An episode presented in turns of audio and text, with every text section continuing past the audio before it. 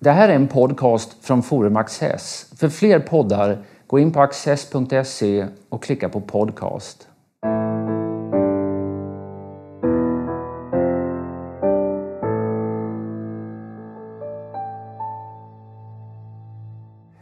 Välkomna till Studio Access. Eh, min gäst idag heter Patrik Oksanen. Han är politisk redaktör i Hudiksvalls tidning och hans artiklar publiceras i alla Hälsingetidningarna. Och han är en ledande debattör och expert på säkerhetsfrågor. Och vi ska komma där dit så småningom. Men vi ska börja i en annan ände, nämligen i Skatteverket.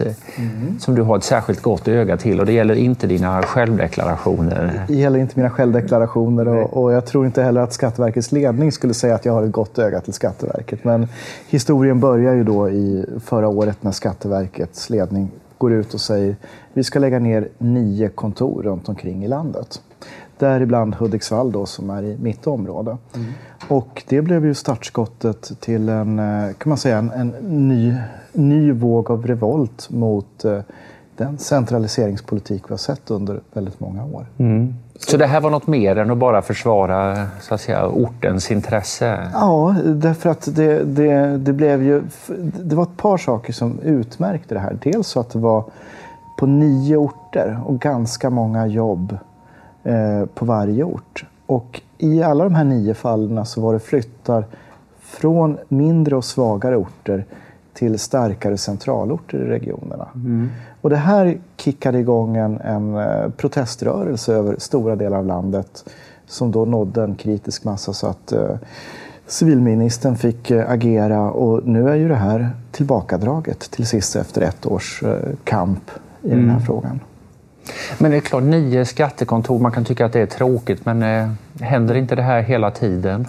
Ja, det är väl kanske det som har varit problemet. Och det här blev ju så att säga droppen då, eh, som fick bägaren att rinna över. För tittar vi på vad som har hänt i den statliga förvaltningen så handlar det om att eh, andelen statliga jobb på små orter har minskat löpande under många år medan jobben på stora orter, stora tätorter ökar. Tittar vi idag så bor eh, runt 40 procent av Sveriges befolkning i tätorter med mer än 50 000 invånare. De har 70 procent av de statliga jobben. Eh, och för ett litet samhälle, när staten är den första som tar ner skylten, så blir det också en känsla av svek och, och övergivenhet. Alltså staten sätter igång... Alltså, jag, jag skulle kunna tänka mig att många har bilden av att staten ändå är den kraft som försöker spjärna emot här och man flyttar ut myndigheter och någon, eh, Konsumentverket hamnar någonstans och Riksantikvarieämbetet flyttas till Gotland och sånt här. Men i själva verket är det, inte det, så. Det, det, är en Stockholmsbild, ja. skulle jag ja, då ja, raljera och säga. Eh, nej, det är tvärtom. Mm. Staten har gått före i, i så pass mycket så att det finns forskare som pratar om att staten är till och med en avfolkningsagent. Eh, man minskar i en större takt än vad det privata näringslivet har gjort på en lång rad orter.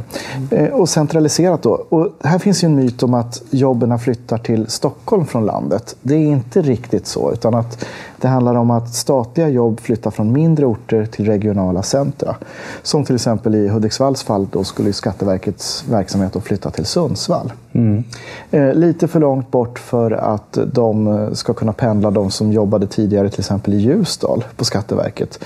Där la man ju ner kontoret i Ljusdal, flyttade verksamheten till Hudiksvall.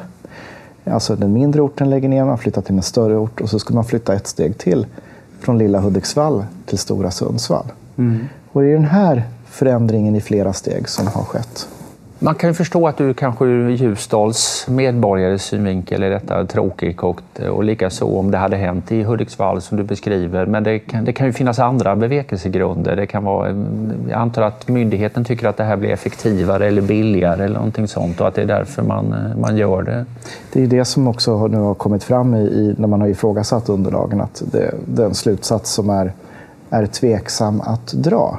Men tittar vi på staten som helhet så uppstår det stora problemet när det här sker på ort efter ort, myndighet efter myndighet. Vi har ju tingsrätterna. Mm. Eh, var ju runt 100 stycken en gång i tiden, nu nere på 48. Eh, vi har Lantmäteriverket som har dragit ner ett stort antal små kontor. Eh, vi har haft tidigare regementsnedläggningar på små och medelstora orter och så vidare. och så vidare. Lägger ihop mönstret av alla de här myndigheterna Eh, så blir det ett mycket större problem. För vad som händer är ju att det är inte medborgaren som överger staten. Utan den geografiska känslan är att staten överger oss. Och då börjar man rucka på det här grundfundamentet, samhällskontraktet mellan medborgare och stat.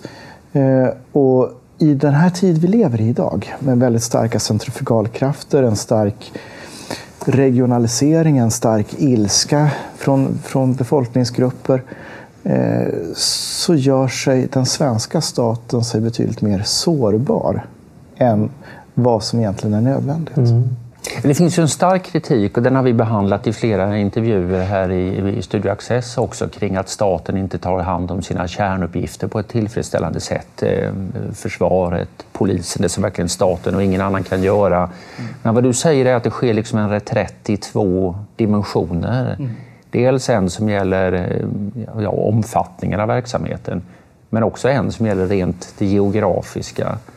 Där, där stora delar av landet så att säga, ja, jag vet inte om man ska säga lämnas vind för våg. Ja, men det är ju den, det är den upplevelsen som medborgarna har. Och du, du sätter fingret på det. Det här är någonting som sker i flera dimensioner. Eh, där den geografiska närvaron inte ska underskattas. Jag menar, ta till polisen till exempel och i, i stora områden där, där det kommer hela tiden rapporter om att ja, men det kunde inte åka någon polisbil dit därför att närmsta polisbil var 15 mil bort. Mm. Det är ju ett väldigt konkret eh, exempel eh, som har att göra med statens hårda kärna, eh, polisens närvaro. Eh, men, men eh, när du lägger till det som händer i ett samhälle när poliskonstapeln har försvunnit från orten, när lantmätaren har försvunnit och domaren har försvunnit från orten. Och så kan vi lägga på några skattefogdar och, och några till i den statliga verksamheten.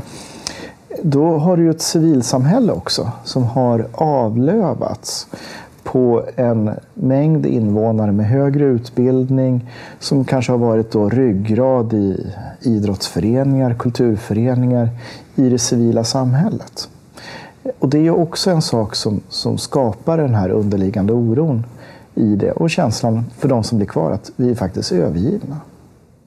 Så man får en svagare, ja, människor med god utbildning, för det är ofta det du, som det handlar om, som du beskriver, de, de lämnar och då blir det en mindre attraktiv miljö eh, kvar och då får man till exempel en ond spiral så att säga, som accelererar den här utflyttningen. Mm.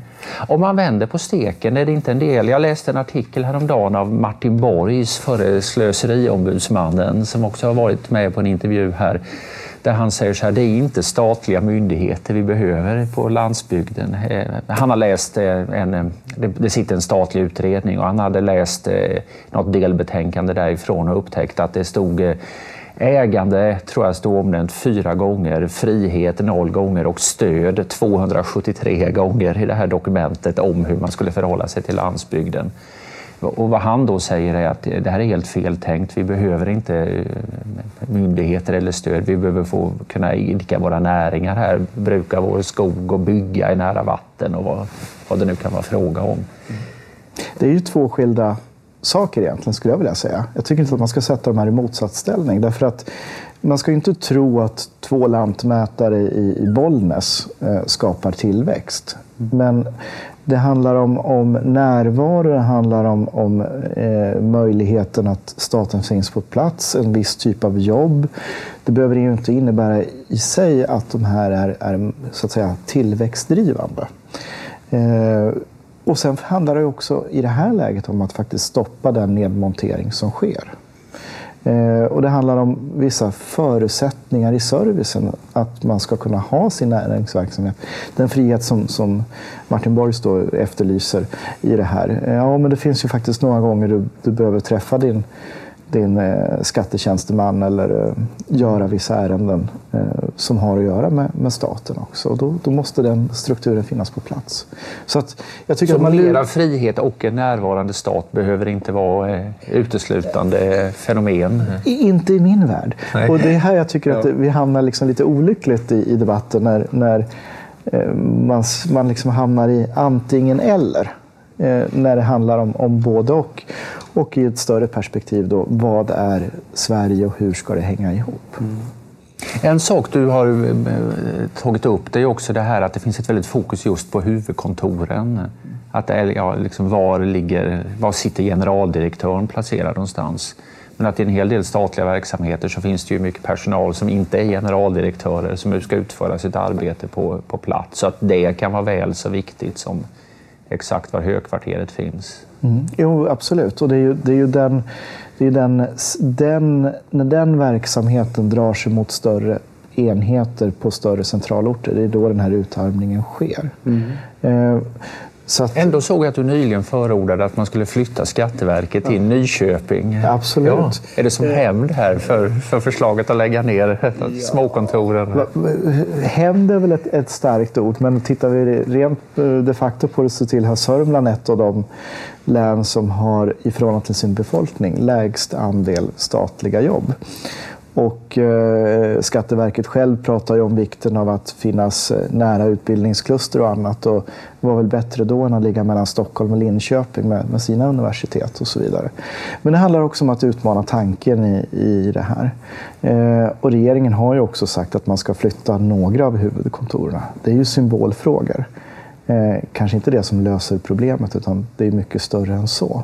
Men då skulle väl Skatteverket kunna vara en, en lämplig sådan myndighet att titta det, på det här? Det finns de som eh, säger, att sett ekonomer som nu säger att liksom vad vi borde göra i själva verket att driva på urbaniseringen i, i Sverige. Att det finns, eh, när folk bor tätare så har de tätare relationer, det uppstår fler idéer, man, eh, ja, det blir en högre innovationstakt.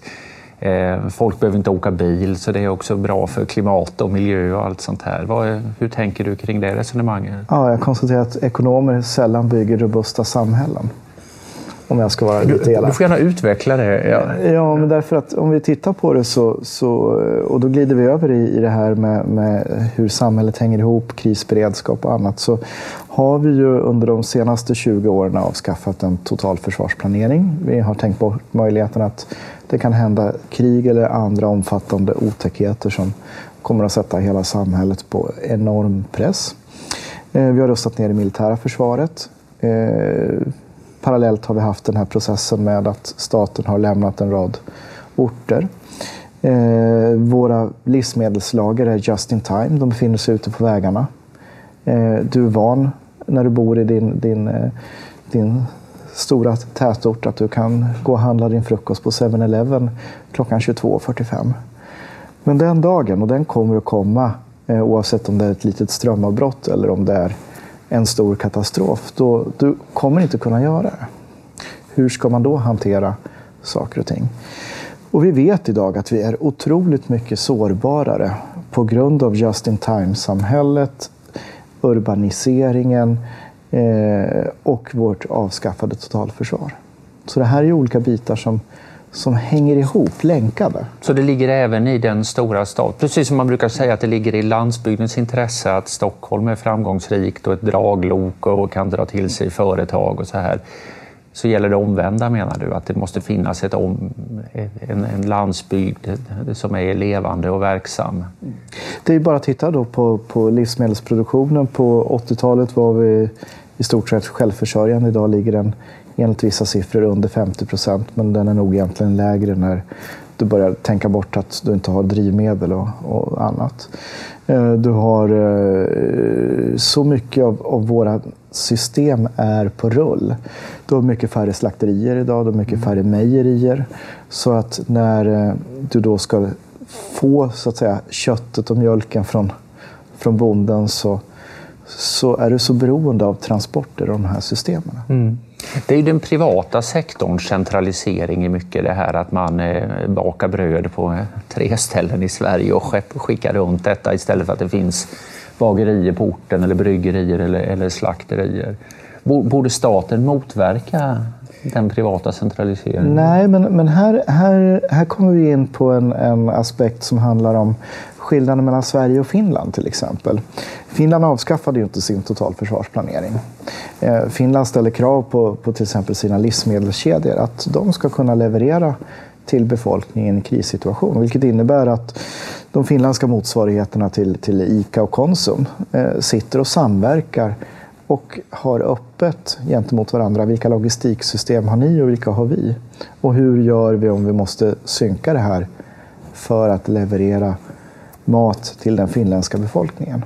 Där finns fortfarande känslan av att någonting otäckt kan inträffa. Precis, den har ju vi avskaffat, ja. den känslan. Den känslan börjar vi få igen och den, den kommer ju nu smygande med totalförsvarsplaneringen som ska tas upp igen. Ja, det känns som det har varit en, en serie som så här väckarklockor som har ringt som i eh, en komposition med ryska påsken för försvaret och den stora branden i Västmanland för eh, krisberedskapen. Och ska jag vara elak nu så kan jag säga så här. Jag tryckte på snos, Georgienkriget. Mm. Vi tryckte på snos, ryska påsken. Vi har tryckt på snos, Ukraina, Krim. Och, och nu är handen lite, lite trögare på att trycka på snos för att nu känns det som att... Man börjar ana att det är dags att stiga ja, upp. Ja. Även om det hade varit så mycket bättre om vi hade stigit upp efter Georgien. Eller kanske redan tidigare. Eller tidigare, ännu bättre. Ja. Eh, så där befinner vi oss idag. Vi befinner oss i det här lite yrvakna läget. Vi, vi är hälften sovande, hälften vaken och inser att vi borde gå upp och klä på oss. Ja, det har börjat röra på sig lite grann. Alltså diskussionen fall börjat röra på sig lite grann. Krisberedskapen eh, kom upp ganska nyligen när då Myndigheten för samhällsskydd och beredskap lämnade över en eh, ja, utvärdering av den här stora eh, branden i Västmanland. Och den hade ju med en, en väldigt tycker jag, viktig förändring i, i principerna eh, och där man nu lyfter fram vikten av att agera. Tidigare har man bland annat haft Eh, närhetsprincipen, att krisen ska hanteras så lokalt som möjligt och krisen ska hanteras av de som hanterar vardagen. Eh, men nu i den här utvärderingen och de rekommendationer så finns ju en insikt om att krisen inte är som en vardag utan man måste agera på annorlunda sätt. Så därför utifrån den mentala resan så är det en viktig utredning. Man får lite grann känslan när man eh, tar del av det här att, att liksom det gamla upplägget för krishantering det var att det egentligen aldrig var kris utan det skulle i princip fortsätta som, eh, som vanligt. Besvär var det väl mer en planering för kanske eller något i den stilen. Men inte för rejäla påfrestningar. Och det är det som Västmanlandsbranden då visar i sin brutala nakenhet att det där synsättet inte fungerade. För det inträffar i ett område mellan olika räddningstjänster. Man är, skalar upp för sent, samband fungerar inte och så vidare. Och så vidare. Och vi har alltså ett läge i Sverige då vi tvingas evakuera eh, byar och vi är på väg till och med att kanske tvingas evakuera en tätort. Och om vi då tänker oss hur det skulle gå till idag eh, om vi skulle behöva evakuera ja, ska vi dra till med eh, Nyköping, Nyköping ja. eller, eller ännu värre, tänkt att vi tvingas evakuera ja. eh, Vasastan och Norrmalm. Mm. Det finns ingen planering för det? Jag törs inte säga vad det finns för planering i Stockholms kommun för att göra det, men, men jag tror att det skulle bli väldigt kaosartat. Mm. En, en sorts kris eh, i, som kan vara li, liten eller stor, eh, det är brottslighet. Och om vi återvänder till där vi började, så att säga, det här med statens dubbla reträtter. Polisen har väl genomfört en sån får man säga. Å ena sidan har man liksom Ja, de har fått mer och mer pengar och så vidare, men det är oerhört svårt för dem att liksom få upp eh, bemanningen så att det känns som att man har fler poliser. Eh, å ena sidan. Å andra sidan så tror jag väldigt många runt om i landet känner att den har försvunnit från orten. Man undrar ibland var de är någonstans, för de är varken i, i problemområdena i de stora städerna eller på landsbygden. Eh, men eh, vad, är, vad, behövs här? Ja, eh, polisen är ju en, en eh, jag höll på att säga, ett, ett, en, ett eget sorgebarn i sig själv. det är ju några saker som, som polisen har problem med. Tittar vi på de yttre faktorerna så handlar det om eh, att du har en väldigt missnöjd poliskår som är väldigt frustrerad över arbetsvillkor. Mm. Väldigt frustrerad över löner. Eh, ledarskapet och de organisationsförändringar som har gjorts. Så att du har på golvet eh, väldigt många som har tappat förtroende för polisledningen, högsta polisledningen men även på vägen ner. Eh, och det är ju en ledarskapsfråga. Men det är också en ekonomisk fråga som handlar om att tillgodose så att man känner att man... man eh, jag ska ta ett konkret exempel. Vi ser idag att vi tappar poliser i förhållandet eh, fem gånger så mycket som för fem år sedan. Som slutar, lämnar in brickan, lämnar jobbet. Inte på grund av pension utan att man går vidare till annat. Mm. Ja, varför gör man det? Jo, därför att det finns andra statliga myndigheter som faktiskt konkurrerar om den här arbetskraften. Som betalar bättre och som ger bättre arbetsvillkor. Eh, så det är lockande att, att lämna polisen. Det är ju någonting man måste komma till rätta med. Eh, staten kan inte konkurrera ut sig själv i det här området. Sen handlar det ju pengar. Eh, vi måste ha, öka antalet poliser. Sen finns det en debatt om organisationsformer och där har jag inget färdigt svar på vad som är klokt. Det kom ju, Christer Thelin hade ju en Timbro-rapport här för en tid sedan där han förordar kommunal polis mm. som ett sätt att eh, flytta ner eh, makt, ansvar, kontinuitet eh, och engagemang. Eh, det kan vara en väg att prova. Jag är inte säker på att det är rätt väg, men det här visar att debatten är väldigt flödande när det gäller polisens organisering. Thelins idé är väl att man ska ta... Eh, det finns ett förbud idag mot för kommuner att rekrytera poliser. Eh, att man helt enkelt... Eh, man inför inte någon gigantisk ny kommunal polis i hela landet utan man öppnar möjligheten för en kommun att rekrytera poliser. Precis, för de som vill. Det måste ju vara ett sånt decentraliserat sätt att arbeta som Ja, samtidigt så finns ju vissa problem med det. Med, blir med eh, likhet, alltså statens likhet. Eh, en kommun förlitar sig på, på sin egen polis, en annan inte gör det.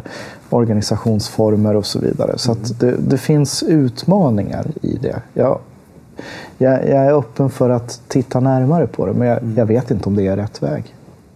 Nej, ja, nej, det vet inte jag heller. Men det är, det, men, det, det är en spännande tanke Men man kan väl säga att utmaningar finns det uppenbarligen även ja. i den nuvarande eh, situationen. Verkligen. Och mitt medan den här diskussionen pågår om den frånvarande polisen och, liksom, och det är ja, genuin oro på många håll. Jag, jag har en bekant i Skåne som bor på landet och när man bara, som jag inte har träffat på väldigt länge, men när man ser hans eh, uppdateringar på Facebook så handlar det väldigt mycket om olika ligor och stöldförsök och ingripanden och sånt där. Man får en ganska obehaglig känsla av otrygghet mitt i den här svenska landsbygdsidyllen. Eh, Eh, så det finns ett sug efter att det ska hända någonting och i, i det läget så väljer man att göra om det är en enda polismyndighet som ska ha hand om hela polisen för hela Sverige. Så det blir ännu svårare att hitta någon att ställa till svars och utkräva ansvaret av. Och dessutom en underfinansierad förändring. Så att, eh, jag tror att man gick in i den där med runt en miljard back mm. om jag minns rätt. Eh, för lite pengar att, att genomföra. Mm. Det är klart att det blir inte bra. Och dessutom så gör ju polisen då samma strukturmisstag som de andra statliga myndigheterna. Om jag tar det närliggande exemplet, länspoliskommunikationen i Gävleborg satt i Gävle. Nu är man i samma region med Uppsala, då flyttar kommunikationscentralen till Uppsala. Mm. Uppsala är också en eh, överhettad arbetsmarknad. Det finns eh, många olika statliga verksamheter som kan konkurrera om arbetskraften också. Det är inte heller så klokt. Mm. Så centraliseringen ser ofta liksom effektivare ut på pappret än vad den visar sig vara i verkligheten. Notan kommer efteråt och den, blir, den är dold i, för den beslutsfattare som tar beslutet men blir betydligt högre. Mm. Decentralisering var ju en stor slogan för, ja, för Centerpartiet mm. under deras framgångsår på 70-talet. Är det dags för liksom en en decentraliseringsoffensiv igen? Ja, jag menar på det. Eh, särskilt om vi ska, vill bygga ett robustare samhälle. som hänger ihop. För tittar vi på det här, och, och nu kommer du börja tycka att jag låter lite halvknäpp, men jag har en spaning som har att göra med insändarsidor och hur ja. de artiklar delas. Eh, och i flera norrländska tidningar så kommer det nu, ja, kanske någon gång i, i eh, månaden i alla fall, någon insändare som, som pratar om ja, men vi, vi, vi, vi klipper ledningarna, vi kör eget. Eh, precis som katalanerna driver, precis som skottarna driver. Eh, Norrland kastar loss. Ja, Norrland kastar ja. loss. Det, det, är liksom det, det, är det är det som ligger så att säga spaningen runt hörnet. Vi är inte där ännu. Det är ingen seriös debatt, men det ligger och puttrar under. Mm. Eh, och om vi inte hanterar det här du, på samma sätt så har du en väldigt stor ilska i, i Öresundsregionen och i Malmö kring beslutet med, med passkontroller på bron. Mm. Eh, och ett Sverige som, som där staten centraliserar till, till, eh, till Stockholm, till eh, länscentra och så vidare kommer att utsätta sig för den här tidens europeiska centrifugalkrafter. Och med det menar jag den, den oro som finns. Eh, vi vet inte riktigt vart Europasamarbetet tar vägen. Eh, vi har en aggressiv granne i form av Ryssland som vill bryta ner eh, så att säga, det, det internationella regelverket har i praktiken avskaffat Helsingforsavtalet som är gränsernas okränkbarhet i Europa. Som vill jobba med inflytelsesfärer. Mm. och i den här tiden så, så tittar många inåt allt mer. Och eh, det är en farlig tid för mig som tror på europeiskt samarbete, transatlantiskt samarbete, på öppenhet och sammanhållning. Det är klart att det känns oerhört avlägset med någon svensk region som ska försöka bryta sig lös. Men å andra sidan var det inte så många som trodde att det skulle bli folkomröstning om självständighet i Skottland heller för 10-20 år sedan. Så det, det, kan röra på sig fort. Vi har pratat om det robustare samhället och du kom in på det här med Ryssland. Vi kanske ändå ska ägna någon minut eh, avslutningsvis. Tyvärr har tiden rusat ifrån oss här. Åt, åt det, det, även det militära försvaret. Civilförsvar, totalförsvar nämnde du. Där finns det väldigt mycket övrigt att önska. Det militära försvaret, vad, är, vad ser du för... Ja, vilka behov är störst? här? Uh, ja, var börjar man på en sån fråga? Uh, ska, ska jag raljera uh, så har vi idag i Sverige ett, ett försvar som är förstklassiskt på att kunna sätta ihop polisiära expeditionsstyrkor i internationella sammanhang. Och vi har ett antal system som håller världsklass. Men det sitter inte ihop i ett territorialförsvar. Och med systemen menar jag ubåtarna, JAS-planet och så vidare. Mm. Eh, nu börjar man öva på att flyga på, på krigsbaser igen eh, för första gången på jag vet inte hur många år. Eh, svenska försvaret, eh, den lilla styrka som finns, totalt mobiliserat inklusive hemvärn, eh, om alla dyker upp, är 50 000 man. De kommer att svälta efter ett par dagar om inte ICA eller Konsum levererar mat till dem, för det finns inget, inget djup i det. Eh, så att vi, det, det, är så pass brett och många frågor. Men skulle jag bara lyfta fram några saker som man behöver åtgärda snabbt så är det att höja tröskelnivån. Det vill säga avskräckning att en angripare vill ta tillfället i akt. Och då har vi några känsliga punkter. Mm. Eh, det är Gotland, det är Karlskronaområdet, eh, det är eh, runt Norrköping till exempel. Alltså områden som en antagonistisk makt behöver kontrollera för att kunna bekämpa våra baltiska vänner i en konfliktsituation. Så att stärka möjligheten att försvara de tre områdena ja. till exempel, det är nummer Precis. ett på en, på en lång lista. Och då pratar vi luftvärn och vi pratar eh, kustrobotar till exempel. Patrik Oksanen, tack så hemskt mycket för att du har varit med oss.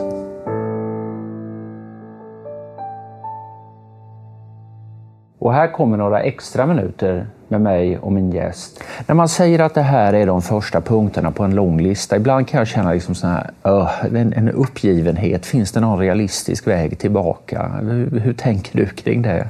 Jag tänker som eh, precis som när man fjällvandrar. Eh, man tar ett steg i taget. Mm. Eh, och till sist har du tagit så många steg så du är uppe på fjälltoppen. Du kan inte stå och titta på och tänka på hur tusan ska jag ta mig ända dit upp. Det verkar ju helt hopplöst och jobbigt. Mm. Utan det handlar om att röra på sig och ta det steg för steg. Och vara väldigt medveten om att det kommer att ta lång tid. Vi pratar inte ett år, vi pratar inte två år. Vi pratar kanske tio år. Men det krävs en, ett politiskt mod, politisk medvetenhet och en bes, politisk beslutsamhet för att nå dit. För, för i fjol ingick ju då, eh, hur många blev de till sist? Fem partier blev det va? som ingick en försvarsuppgörelse. Eh, hur mycket till första steg var det?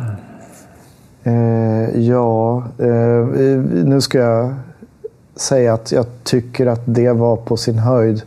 Eh, att man stod still och inte backade. Möjligtvis att man började fylla vattenflaskorna och tittade på karta och kompass. All right. Så det är en bit kvar upp till Kebnekaise? Det är en bit kvar. Mm. och det är ju för att om du tittar på till exempel utvecklingen mot BNP på, på de försvarsanslagen mm. så fortsätter ju den trenden. Den trend fortsätter neråt under 1 procent under den här perioden. Ja, Nato enades ju om att de ska begära av medlemsländerna att man ska satsa 2 procent av BNP på det militära försvaret. Men enligt den här prognosen skulle Sverige till och med glida ner under 1 procent. Mm. Ja. Ja. Så, det, så det är i själva verket en, en, en ännu en försvarsuppgörelse med ett nedrustnings... Ja, det, det, I bästa världar eh, på stället halt. Ja. Där vill de ju gärna prata om att det är en trendbrott och vi rustar inte ner längre och så vidare. och så vidare. Eh, men för att det skulle ha varit en, en rörelse uppåt så hade det varit att lägga 10 miljarder till som Försvarsmakten äskade mm. utifrån behoven av ett försvarsinriktning eh, som jag betraktar som redan överspelad av det realpolitiska läget. Så försvaret sa vi behöver 20 miljarder på fyra år va? för att klara av det här eh, beslutet från, eh, ja, om insatsorganisation 14. Mm. Ja, de fick 10 och insatsorganisation 14 är alldeles för eh, oambitiös. Ja, och för klent i förhållande till den värld vi lever i. Eh, och då det här man... man hör... Det, man hör ju en del som du sa, nu vi flyger på krigsbaser, man övar i, i, i större förbandsstorlekar än vad man har gjort tidigare. Sånt Var kommer de pengarna ifrån? Då? Ja, alltså de, det är ju en del av, av försvarsanslagen. Sen är det, ju, är det ju eh, det som är risken här, och det har vi inte sett eh, sett summorna på det är ju att eh, det finns ju rapporter om att eh, det blir fördyringar på olika vapensystem. Eh, får vi se om det händer någonting med de siffrorna och om de kommer fram och blir konkreta och om de justeras. Mm, mm.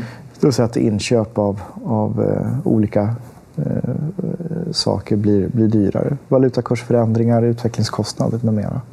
Och då blir det bekymmersamt. för det, det som Peter Hultqvist har sagt det, och det som försvaret nu gör det är att man, man jobbar på att öka den operativa delen. Mm. Att förbättra den förmåga man har och få de här sakerna att, att komma igång igen. Som till exempel eh, flyg, eh, krigsbasövningar och så. Men, men om det innebär sen i slutändan att du inte har råd att köpa det lilla du har sagt att du ska köpa så, så står vi inför nya problem redan i år att hantera budgetmässigt. Man blir lite förfärad när, man, när försvaret ska specificera sina egna behov och det visar sig att det säger, ja, vi borde ha sånt här som kängor och ja, ja, mycket enkel personlig utrustning som inte verkar finnas av, av modern kvalitet. Mm. Det är väldigt eftersatt.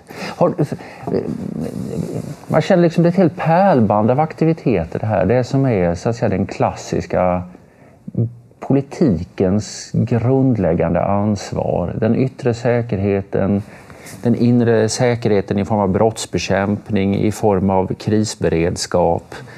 eh, ja, förmågan att liksom, eh, ha koll på vem som befinner sig i riket och vem som har rätt att göra det och inte göra det. och sånt här. Att just detta är det man har försummat. Vad är... Ser du, ja, ja, mönstret påstår jag existerar. Ja, jag håller så med får dig. du förklara på varför, varför, Varför? finns det... Ja. Ja, jag tror att vi här ser en rad olyckliga eh, sammanfallande saker.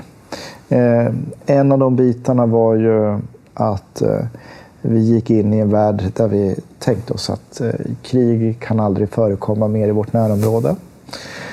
Sverige försvaras utomlands i, i Afghanistan, det känner du igen som, som uttryck. Eh, så att vi tänkte bort att, att någonting illa kan hända och eh, eh vi fick en liten, eh, liten vibration av det i samband med Jugoslavienkrigen eh, med den flyktingströmmen som var. Men den hanterade vi, vi löste den. Eh, de bosniska flyktingarna har integrerats väldigt väl i, i det svenska samhället. Eh, så att det, det, det sjönk inte in vad det kan finnas för krafter. Sen har du en annan sak som jag tror påverkar här och det är ju eh, helt enkelt att vi har eh, byggt ett samhälle där vi tänker oss att allting, vi, vi dimensionerar utifrån ett normalläge. Och det gäller både den marknadsekonomin och staten. har gått hand i hand. att vi, vi kalkylerar utifrån vardagsläget. Inte att vi ska ha marginaler för att det ska komma, komma problem längs vägen. För det, det kan vi skära bort. Det kan vi plocka ut i aktieutdelning eller det kan vi plocka ner i, i skatter. Eh, och här har både marknad och stat och den allmänna debatten underskattat eh, de problemen. Och ihop då med att eh, vi har blivit sårbarare eh, med urbaniseringen.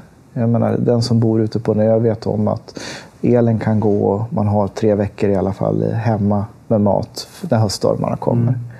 Det är liksom så här grundläggande baskunskap. Tittar vi på mina föräldrar eller dina föräldrar och deras föräldrageneration så prepping var ju någonting väldigt naturligt för dem. Det var ju basal överlevnadskunskap. Eh, Vi hade skriften om kriget kommer. Prepping kommer av prepare, alltså att man förbereder ja. sig på olika eh, otäcka scenarier. Eh, och sen så, så eh, lägger vi till att, att eh, eh, vi...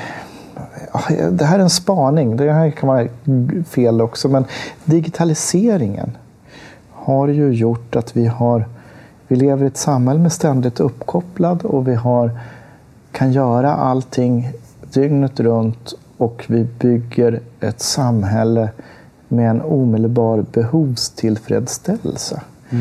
Du kommer på klockan 03.00 att du vill köpa nya skor mitt i natten. Du går in på Zalando och löser det. Du behöver inte planera. Du behöver inte tänka i, i flera led. Eh, att det kan vara bra att ha skor hemma i nästa vecka när du ska bort. Utan du kan lösa det där och då när du kommer på det. Eh, och det tillsammans förstärker ju också det här just in time-samhället som vi, vi alla Mm. är en del av idag. Man kan ju säga att man har släppt loss marknadskrafterna på ett antal områden där de då inte fick eh, eh styra tidigare. Och det kanske på ett sätt har varit bra därför att de är, de är väldigt bra på att eh, optimera. Det är marknadsekonomins stora eh, tillgång. Men just det här du säger, att, att se till att man har 20% marginal därutöver. Det här man älskar att kalla redundans i, eh, i försvarssammanhang. Det har ju ingen på marknaden lust att betala för. Eh, och det har ju uppenbarligen inte eh, skattebetalarna, eller vi själva i egenskap av skattebetalare, eh, heller haft. Mm. Ja, men det har varit en solskens eh, Precis. tillvaro som vi har eh, gått in i nu på, ja, efter murens fall. Och så här. Ja, vi har haft tycker man ser 20, det på- 20, 20 år av solsken. Ja, 20 härliga år på många sätt, men eh, man skulle läst det där om myran och gräshoppan eh, ytterligare några gånger kanske. Eh, ja, Ja, vi skulle kunna fortsätta mycket länge på, på dessa många eh, teman, men vi tar och rundar av nu. Tack så hemskt mycket igen. Tack så mycket.